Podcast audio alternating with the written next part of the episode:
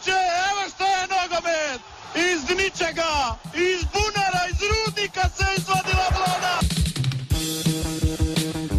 Suspenzor, suspenzorja, moški spol. Priprava za oporo poškodovanega ali obolelega visečega dela telesa. Suspenzor za modnik, tudi športni ščitnik za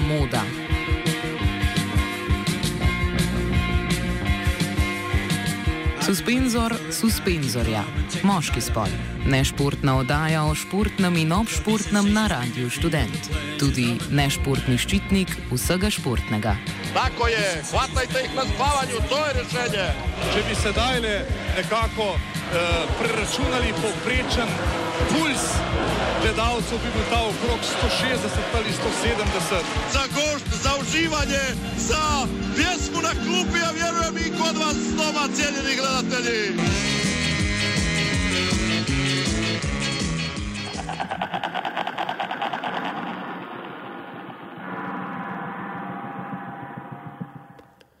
Cenjeno poslušalstvo, dobrodošli v julijski izdaji Suspenzorja, ne športne oddaje o športu na Radiu Student na 89,3 MHz. Poletje je za večino športov čas mirovanja in priprav na naslednjo sezono ter poslov. Poletne tržnice v nogometu in košarki polnijo vrstice ter žepe agentov in športnikov. Rekord poletja je predstavil madridski atletikom, ki je za komaj 19-letnega Joaa Felixa iz Benfike plačal 126 milijonov evrov.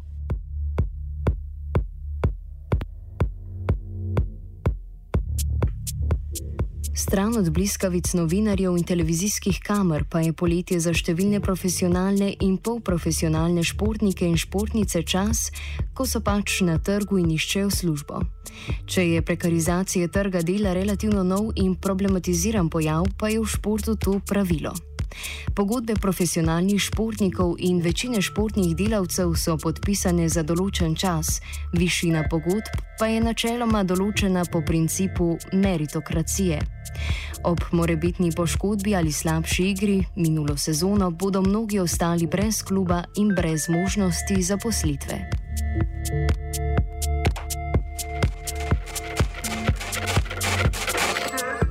Kot drugot na trgu dela, izkušnje številnih športnikov in športnic pričajo tudi o tem, da sama pogodba včasih ni dovolj za pošteno plačilo. Danes v suspenzorju tako o delovno-pravnem statusu športnikov pri nas in številnih sivih conah in prazninah v zakonih, ki jih lastoročno polnijo nacionalne in mednarodne panožne zveze. Najprej pa suspendirane novice in komat Make Money.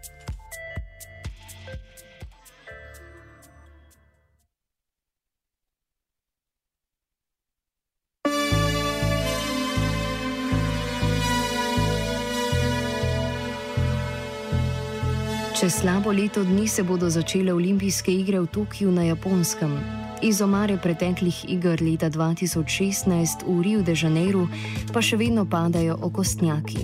Nekdanji župan glavnega mesta Brazilije, Sergio Cabral Filho, je toživstvu priznal, da je sodeloval pri podkupovanju komisije, ki odloča o dodelitvi iger. Leta 2009 je predsednik Mednarodne atletske zveze Lamin Diak sprejel slaba 2 milijona evrov v zameno za najmanj 9 glasov v zapletenem sistemu izbire gostitelja olimpijade.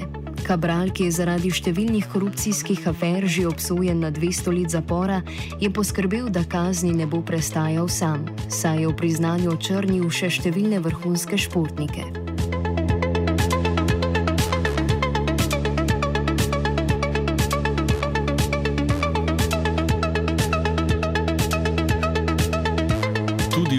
Kriketu ne gre brez korupcije in upletanja politike v šport.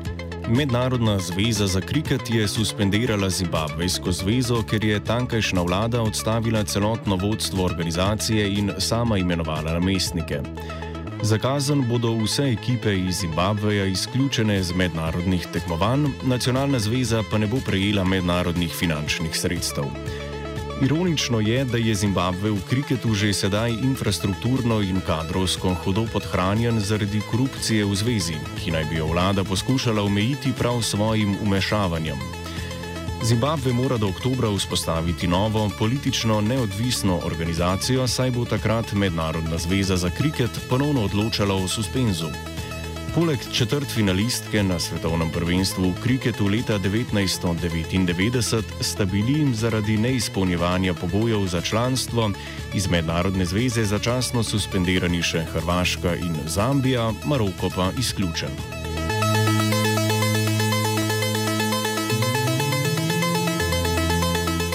Iz Zimbabveja v Somalijo.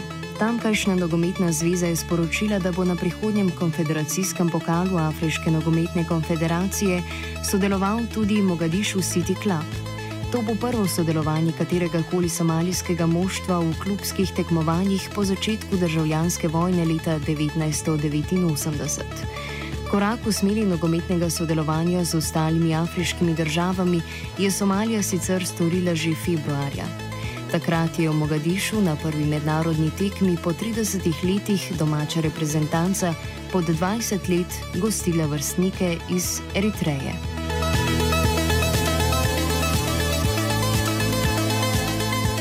Finale afriškega pokala narodov v nogometu pa nam je postregel zelo različnima zgodbama, ki se dogajata v Parizu. Selektorja reprezentanc Alžirije in Senegala, ki sta v finalu tekmovala za naslov najboljšega v Afriki, sta odraščala v istem pariškem predmestju.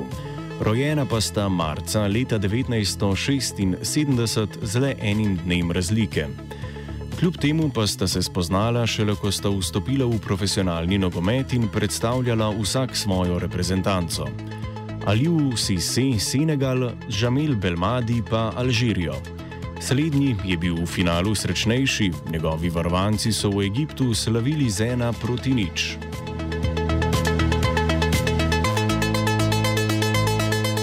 V Parizu pa so se prav zaradi afriškega pokala narodov soočali z navijaško mrzlico, saj velik del predmestnega prebivalstva stiska pesti za reprezentance držav njihovih prednikov, predvsem za Alžirijo. Največja proslava, ki se je stopnjevala celo v nasilje med navijači in policijo, je sledila ravno po osvojitvi naslova. Desne stranke, zlasti nacionalni zbor, so ostro obsodile alžirske navijače.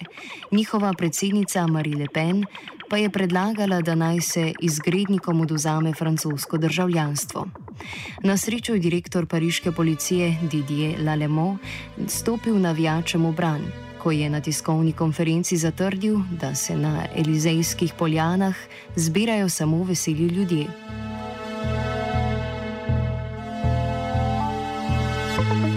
Suspendirane novice je pripravil Virant. La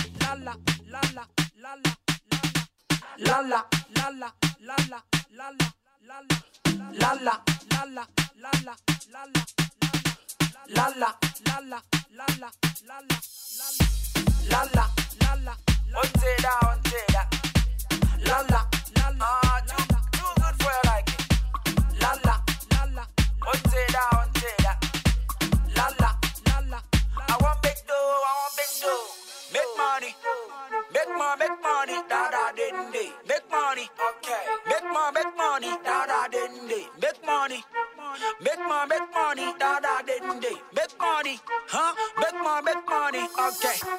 La la, la la, la la la la.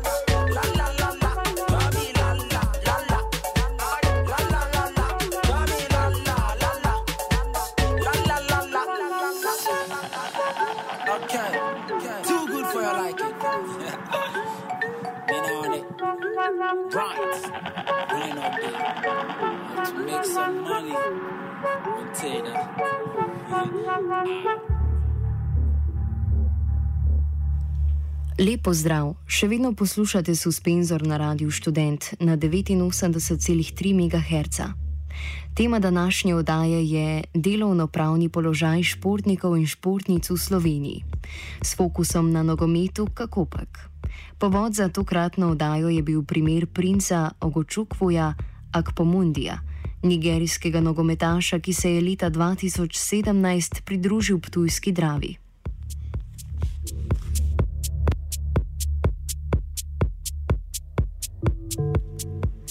Nogometni klub Drava Dakinda Ptuj, ki igra v drugi slovenski ligi od leta 2017, sodeluje z nigerijskim podjetjem Dakinda, ki se ukvarja z izdelavo športne opreme in loterijo, v Lagosu pa imajo lastno nogometno akademijo.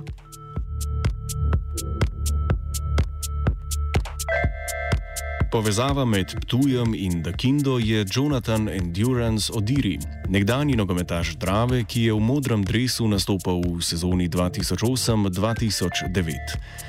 Prav prek njega je v Dravo prispel nigerijski kapital, mesto predsednika kluba je prevzel njegov kolega Emanuel Olođa Akpakvu.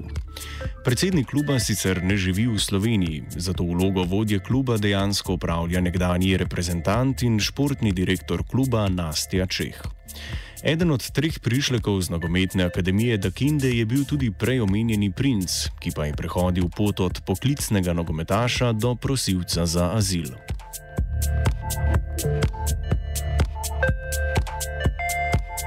Svojo zgodbo, ko je z 19 leti prišel na Ptuj, je Akpomodija predstavil v oddaji 30 Minutes with a Refugee maja letos. V njej prepoveduje o podpisovanju neprevedenih dokumentov in neizplačilu ali zamujanju plač. S temi navedbami smo že med zimskim premorom soočili športnega direktorja Čeha, ki je vse te navedbe preprosto označil za laži. Enako je dejal tudi za argentinskega nogometaša Ignacija Kufara, čigar oče je v medijih opozarjal o dolgovih kluba. On je imel eno letno pogodbo. Njegova pogodba se je iztekla 30.6.2018. Mi smo njega obvestili, obvestili so ga njegovi, ki so ga pripeljali, trener, takrat je bil Simon Sešler, je rekel, da ne računa na njega. To pomeni, da mi pogodbe nismo podaljšali. In mi smo normalno povedali njemu tri tedne, mesec dni predtem, da pač pogodba se ne bo podaljšala.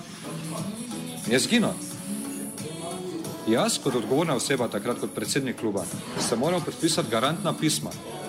To ni hec, prijatelji, dragi. To je, jaz odgovarjam, če se kaj zgodi, da on naredi bilo kaj bojo. Ne? Mene prvo vprašali. Jaz sem podpisal to, je takrat podpredsednik vlade Mitja, eh, Matija Brodnjak, sem jaz zahteval, da se da prijava na policijo, samo v smislu, če ga najdejo, da smo mi svojo nalogo izpolnili, da nikaj narobe. On je odpotoval, se ni javljal, inventar je razbil v, v stanovanju, sploh ni povedal, kam gre, nič. Mi smo povedali, da mu delovna viza poteče bolj ko mu hočeš razložiti, da ne gre tako, ne, njega ni bilo.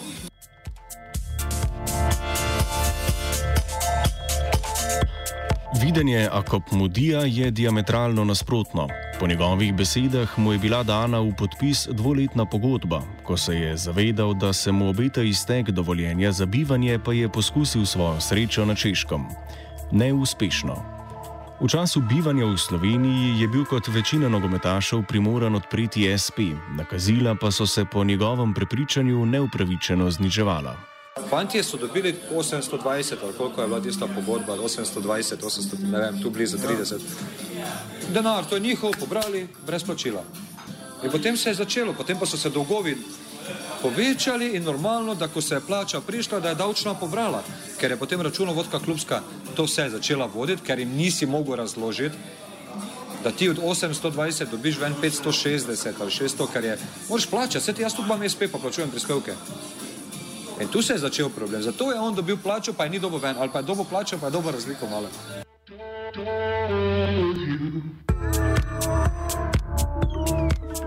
Princ Ogočukvu Akpomodi še vedno živi v azilnem domu na Viču. V mestnem času je že začel trenirati za nogometni klub Dob, sedaj pa trenira za nogometni klub Arne Tabor 69. Arne Tabor! Prošnja za azil, utemeljena v slabih življenjskih pogojih in nasilju v rojstnem Lagosu, je še v postopku obravnave.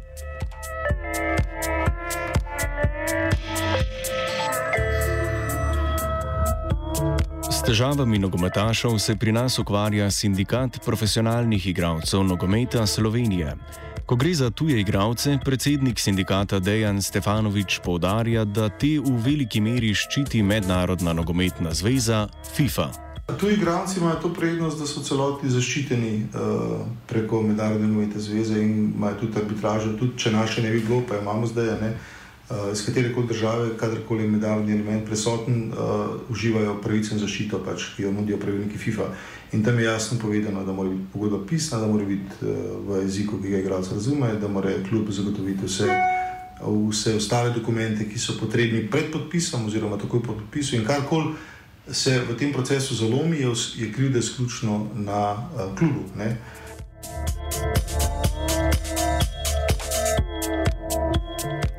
Zato je nogometaše po besedah Stefanoviča tudi veliko manj pomembno, v kakšna delovna razmerja vstopajo, ko se dogovorijo za sodelovanje s slovenskimi klubi. Ker ponavadi nimajo dolgoročnih ciljev, je za nje bolj kot zanesljiva oblika zaposlitve pomembna davčna obremenitev njihovih dohodkov. V praksi to pomeni, da s klubi sodelujejo tudi kot samostojni podjetniki. Tujci so tisti, ki, ki jih najmanj zanima, v kakšnem statusu so. Ne? E, tujce, ponovadi se to je tudi argument klubov. Ja. Govorijo, če, če bomo imeli pogodbo za poslitvi, bom jaz na 3000 uh, uh, svojega stroška lahko ponudil tujcu 1400 evrov. Mm -hmm. Če pa jaz spem, bo ponudil 2600. Taka razlika. Ja. In tujci na koncu, ker uživa tudi medalno zaščito, se v končni fazi. Um, uh, ga samo nekaj znesek zanima. Ne? Mm. Tudi dolgoročno, bistveno manj načrtuje svojo. Ker ne boš živel v Sloveniji, je njegov interes zelo kratkoročen. Ne? Ja, možno zato, ker ima SP prej za neko kratko obdobje, leta, dve, koliko je igral v Sloveniji. Kakorkoli, ja. za dva meseca. Ja, se splača, če je davčno godno. Ne? Ja, ja, ja. Uh, je neka posebnost, ki jo pozna, ne pozna samo Slovenija, poznajo tudi Hrvaška, poznajo Češka, poznajo Poljska. Ne? Um, ni pa prav, da se te posebnosti um, izpostavljajo na ta način, kot se mi uh, bi raje uh, imeli 100% delovno razmerje, pa preko drugih vzvodov, kot naprimer naše premustitveno zavarovanje, um, omogočali, uh, da se ta nekaj splen, ker pač delamo zelo kratek čas, uh, smo neprimerljivi s katero koli drugo uh, panogo, športniki smo v bistvu najbolj ranljiva delovna skupina oziroma skupina delavcev. Uh, preko drugih inštrumentov omogočili večji neto izplen in pa zagotovila neka druga karjerna pot po koncu karijere. Pa, ampak smo pa nažalost soočeni, da bo potrebno neko prehodno obdobje, da bi se pač te SP izkorenili. V tem trenutku pa ne vemo, koliko časa bo to prehodno obdobje trajalo.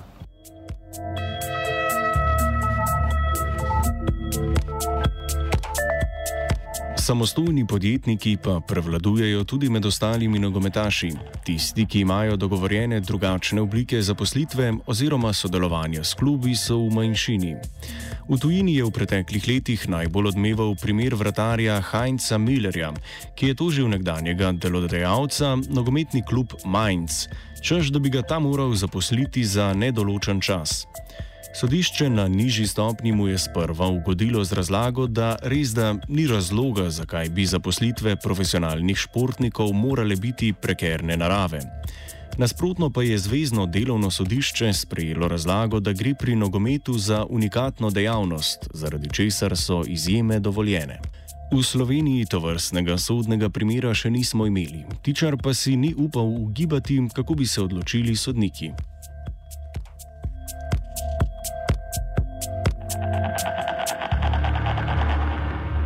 Pravila krovne nogometne organizacije Nogometne zveze Slovenije, krajše NZS, v primerih, ko nogometaš s klubom sklene pogodbo prek SP-ja, obema deležnikoma dajajo dokaj proste roke.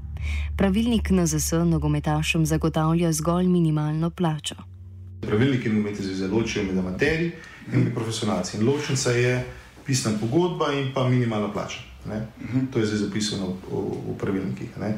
Je pa dejstvo, da zaradi res ugodne davčne politike za prihodke športnikov, ki so nižji od 100 tisoč evrov, ker imamo 8% uh, normiranih stroškov, uh, je preferiran model in pozorec uh, SP oziroma ta uh, status uh, poklicnega športnika. Ne pre, ki je predominanten v Sloveniji, ker so enostavno, um, uh, če bi bili zaposleni, ne, bi bili dejansko uh, negativno diskriminirani, ker je Slovenija za, uh, za, več, za, ve, za večje dohodke uh, davčno najslabša za delavce. Ne.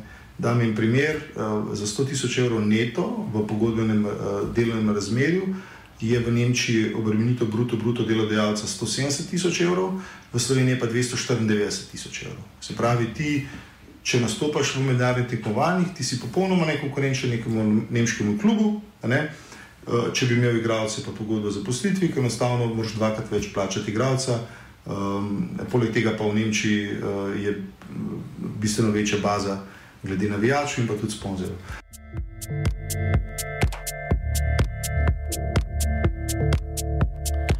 Korak naprej pri zagotavljanju pravic nogometašev je sindikatu pred leti uspelo doseči z upeljavo tako imenovane standardne pogodbe, ki na načelni ravni izenačuje pravice nogometašev. Mi pa smo naredili eh, premik naprej, tako da imamo zdaj obvezne pogodbe, standardne pogodbe, kjer so v pravicah vsi igralci izenačeni. Edino, kar se v tej pogodbi lahko spremenja, so finančne obligacije. Ne? Eh, imamo pa so dve pogodbi, ena je za um, samostojne podjetnike, se pravi za SP, druga je pa um, uh, za zaposlene. Um, tudi v okviru socialnega dialoga smo, nač, uh, smo načeloma z delodajalci dogovorjeni, da bi se za tiste zneske, ki so um, pod 1400 evrov bruto bruto, obvezno uh, sklepale pogodbo o zaposlitvi, tisto, kar je pa nad 1400 evrov bruto, bi se pa potem med med uh, igralci in med klubom dogovarjalo, ali bo imel uh, eno statusno obliko ali drugo. Ne? To je tudi zapisano v kolektivni pogodbi. Kolektivna pogodba je zelo dogovorjena. Ne? Problem v tem trenutku kolektivne pogodbe je pa, da na strani delodajalcev ni reprezentativnega organa, ne? ni združenja oziroma lige. In takoj, ko se bo ta pravna oseba ustanovila in črt dogovor je, da se bo zelo v kratkem, uh, bi se potem podpisala kolektivna pogodba, ki bi Ker kaj je smisel te razdelitve, da se tiste, ki imajo mehne prejemke, ne, kjer uh, obdavčitev med uh, SP-jem in med pogodbami za posilje je skoraj enaka, ne, da bi se te z najnižjimi prejemki zaščitilo, da se pač ta obveznost plačila prispevkov, ki je rak rana prekernega dela oziroma SP-jev, prenese na klub. Mm.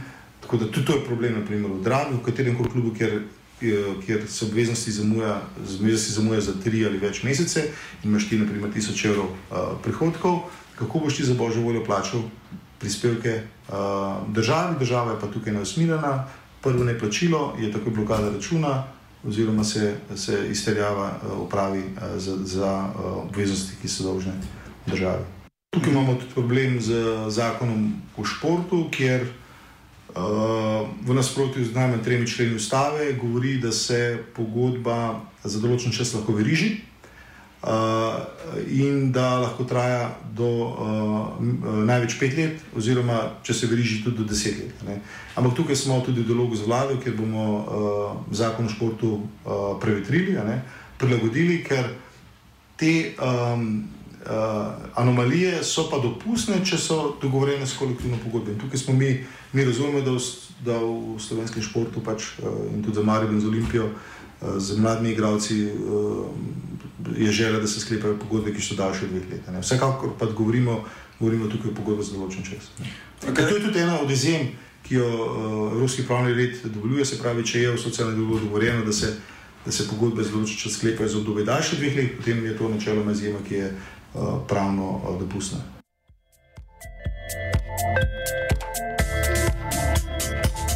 Pogodbe med nogometaši in klubi sicer same po sebi nimajo oblike delovnega razmerja, pač pa opredeljujejo predvsem dolžino sodelovanja in seveda finančne obveznosti kluba do igralcev. Pravni vidik to vrstnih pogodb predstavi Luka Tičar iz Ljubljanske pravne fakultete. Če gledamo pravno, ne, To so pravzaprav tako imenovani inominatni kontrakti. To so pravzaprav uh, pogodbe, ki nimajo zakonsko opredeljenega imena, niti niso zakonsko urejene kot take. Ne? Ampak v civilnem pravu velja, da se ti lahko skleniš kakršno koli pogodbo, Seveda, če sledi določenim splošnim načelom, ki veljajo v obligacijskem zakoniku. Um, tako da to so pravzaprav neke pogodbe, ki jih oni pojmenujejo lahko pogodba o igranju nogometa ne, ali pa, ali pa kakorkoli druga, in se potem seveda eh, lahko dogovorijo, da bomo rekli, da čisto vse, ampak zelo veliko stvari, skoraj vse se pravzaprav da je sad eh, pogajanj oziroma avtonomije volje obeh strank. Torej, te pogodbe kljub temu, da niso neke formalno določene, one varujejo igralca v smislu, kljub temu, da je SPJ, če se vam poškoduje, ne more kljub reči, ok, ajde čau. Sveda, to je, to je tudi interes UEFA. Ne? UEFA, ki, ki pa seveda želi, uh, da imajo nacionalne zveze uh, statuse, ne, igralcev urejene. Uh, sveda, tudi če govorimo mi zdaj o, o civilno-pravnih pogodbah, tudi o pogodbah, ki sklepajo samo zaposleni igralci. Ne, uh, je, so torej, te določbe v teh pogodbah uh, ustrezno, torej zagotavljajo neko ustrezno varstvo. Um, konec koncev, tudi nogometna zveza Slovenije ne, ima, mislim, da ima celo objavljeno na spletni strani o, osnutek neke pogodbe ne, z neko vsebino, ki je širše dogovorjena, ne, ki ne bi klubom ne, nekako sugerirala pa, ali pa pomagala ne, pri oblikovanju vsebine pogodb za nogomet. Ne. Tako da pravzaprav tukaj seveda uh, ustre, no bom rekel, zdaj ustrezno, zlasti Spins bi verjetno uh, govoril, da, da varstvo ni povsem ustrezno, ampak kakorkoli že, ne, uh, povsem brez varstva in tudi igravci, ki sklepajo pogodbe kot samo zaposleni igravci, ne, um, pravzaprav niso brez, brez slehanega varstva.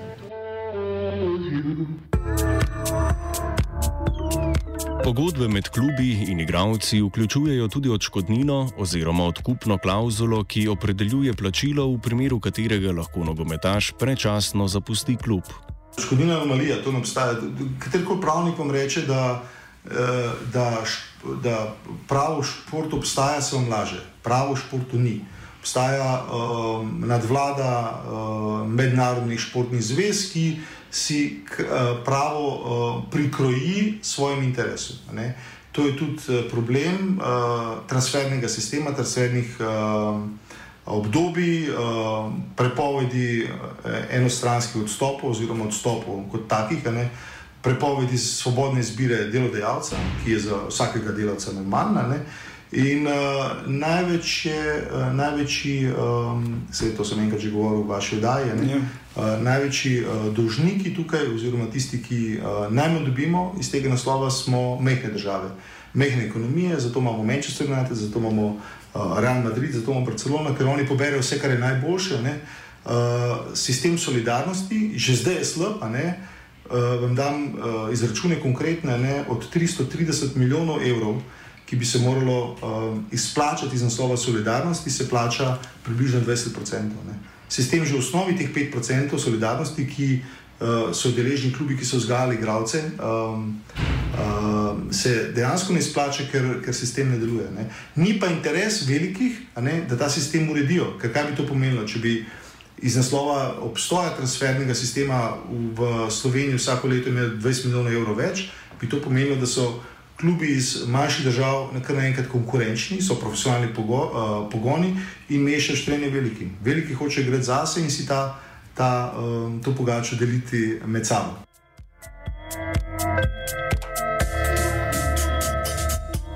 Nogometna pogodba, ki jo je v sodelovanju s sindikatom oblikovala NZS kot predlog za sklepanje sodelovanja med nogometaši in nogometnimi klubi, predvideva, kot smo slišali, tudi možnost zaposlitve nogometašev.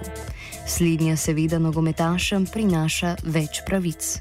Dejstvo je, da če se sklene pogodbo o zaposlitvi eh, z temi izjemami, ki uh, jih zakon o športu predvideva in ki bi jih zelo verjetno prenesli tudi v pogodbo o zaposlitvi, je, da, da seveda velja varstvo po zakonu o delovnih razmerjih. Um, dobro, dejstvo je, da je seveda ključni um, element teh izjem v zakonu o športu vezan na sklepanje pogodb za določen čas. Ne, tako da pravzaprav, um, če bi že sklepali pogodbe za poslitvi, sem pripričan, da ne bodo sklepali pogodb za nedoločen čas, čeprav jih formalno sicer lahko.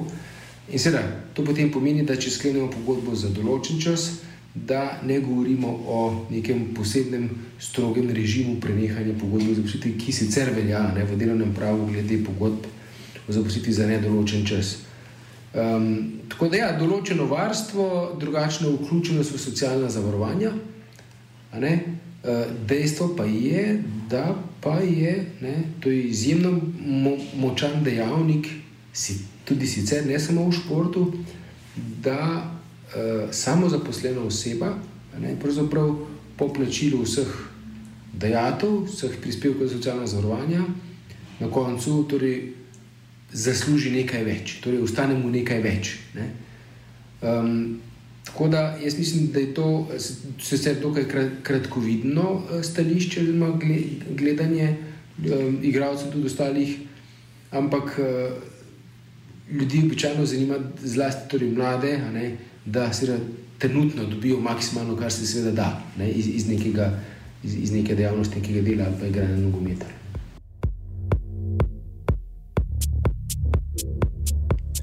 Sindikat nogometašov si prizadeva za podpis kolektivne pogodbe. Slednja predvideva večji nabor možnih oblik zaposlitve. Mi smo tudi naprimer, v okviru kolektivne pogodbe um, predvideli pet različnih statusov. Ne?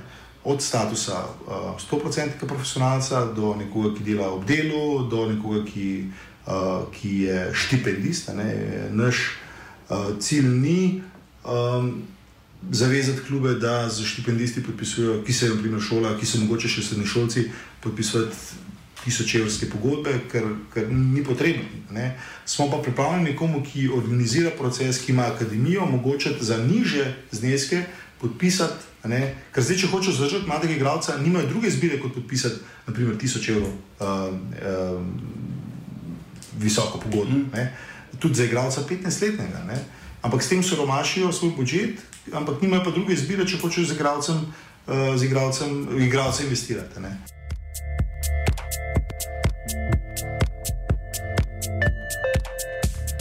Kot je v eni od prejšnjih izjav že izpostavil Dejan Stefanovič, je težava pri podpisu kolektivne pogodbe povezana z opredelitvijo delodajalca, saj ni skupnega predstavnika, ki bi zagovarjal interese klubov. Pravnik Tičar ob tem izpostavlja, da bi kolektivna pogodba za pravice iz tega naslova prikrajšala nogometaše, ki delujejo kot samostojni podjetniki, saj za nje ne bi veljala. Prvi predpogoj, da se sploh lahko začne pogovarjati o kolektivnem pogajanju je, da imamo oba socialna partnerja. Ne. Zdaj, ok, seveda, Spins uh, je socialni partner, je sindikat. Uh, sicer, če govorimo o pravem sindikatu, ne, torej tem klasičnem sindikatu, to je tisti, ki se lahko sklene kolektivno pogodbo, uh, lahko se zastopa v tem smislu samo zaposlene igralce, ne pa dejstvo nam je še, da, da, da lahko tudi nek, nek, nek nogometaš, ki ima SP, ne, član tega sindikata, tukaj ni nobene omejitve.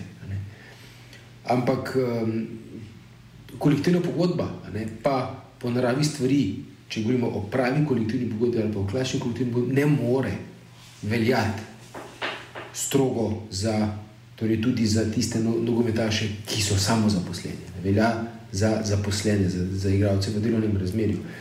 Poleg tega pa je seveda dilema, ki, se, ki je seveda tudi verjetno rešljiva, če to ni, ni tako zelo preprosto, kot se bo morda slišalo, ne, je seveda uh, identifikacija nasprotnega partnerja. Ne, torej, kdo bo zastopal interese delodajalcev. Seveda, najprej se bi nam ponudila ideja, da je to nogometna zveza Slovenije, ne, lahko bi bila, ker to pravzaprav je zveza ne, več klubov, oziroma MNZ-jev, če jaz poznam strukturo. Tako da verjetno bi lahko, ampak eh, mogoče bi bilo včasih celo lažje, ker, ker smo imeli, mislim, da združenje prvo ligašo, ki je bilo pač tudi posebno društvo, eh, v katerem so, torej, ki so ga sestavljali vedno prvi ligaški klubi. Kajti dejstvo je, da je v drugi, drugi ligi bi jaz rekel, da je zelo težko.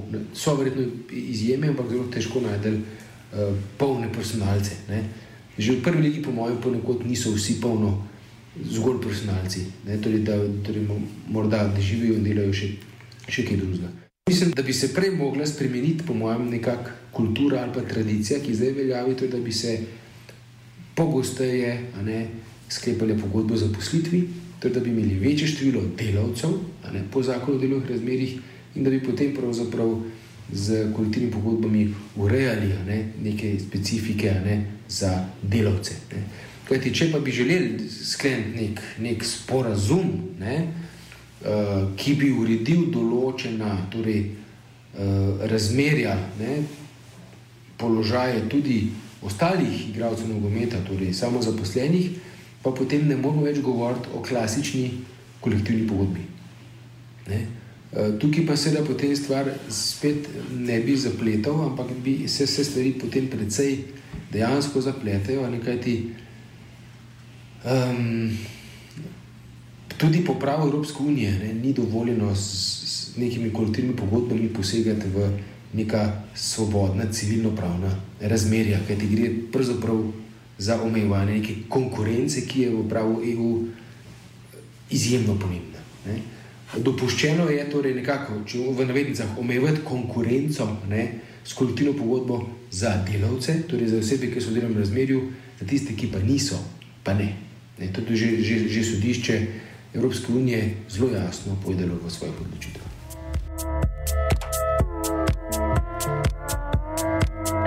Vse posebnosti, ki opredeljujejo delovna razmerja v nogometu, pa ne veljajo samo za nogometaše, pač pa tudi za druge športne delavce.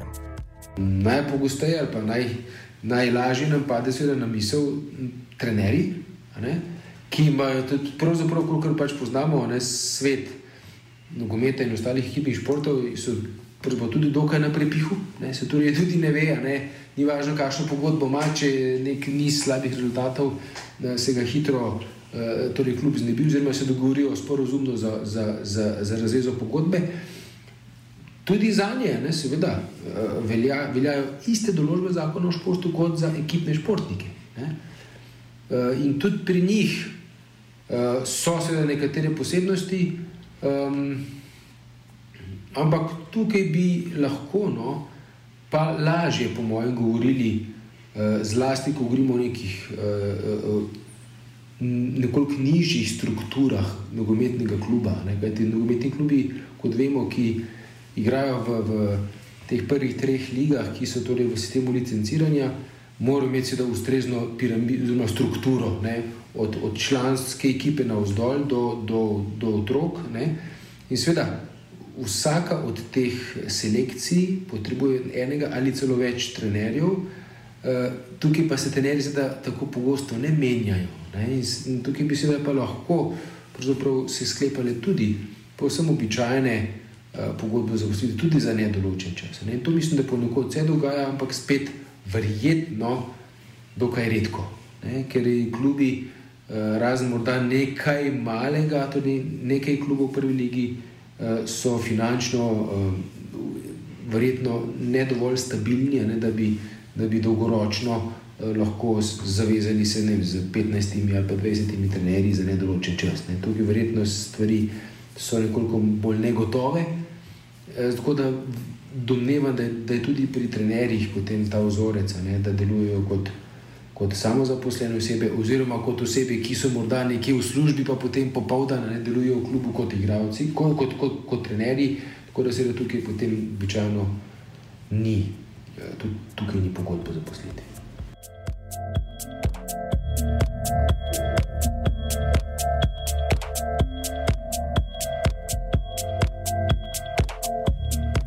Suspenzor sta pripravila Anton in Marcin, brala sva Juš in Špela, tehniciral je Blaž.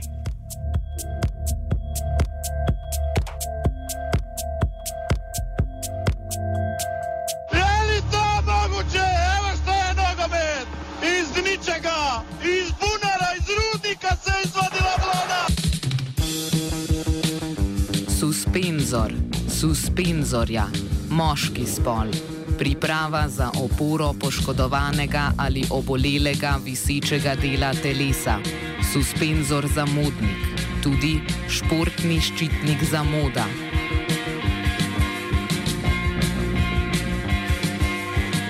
Suspenzor suspenzorja, moški spol, nešportna oddaja o športnem in obšportnem na Radiu Student, tudi nešportni ščitnik vsega športnega. Tako je, hvatajte jih na spavanju, to je rešenje. Če bi sedaj le nekako eh, preračunali povprečen puls gledalcev, bi bil ta okrog 160 ali 170. Za gošt, za uživanje, za pjesmu na klupi, a vjerujem i kod vas doma, cijenjeni gledatelji.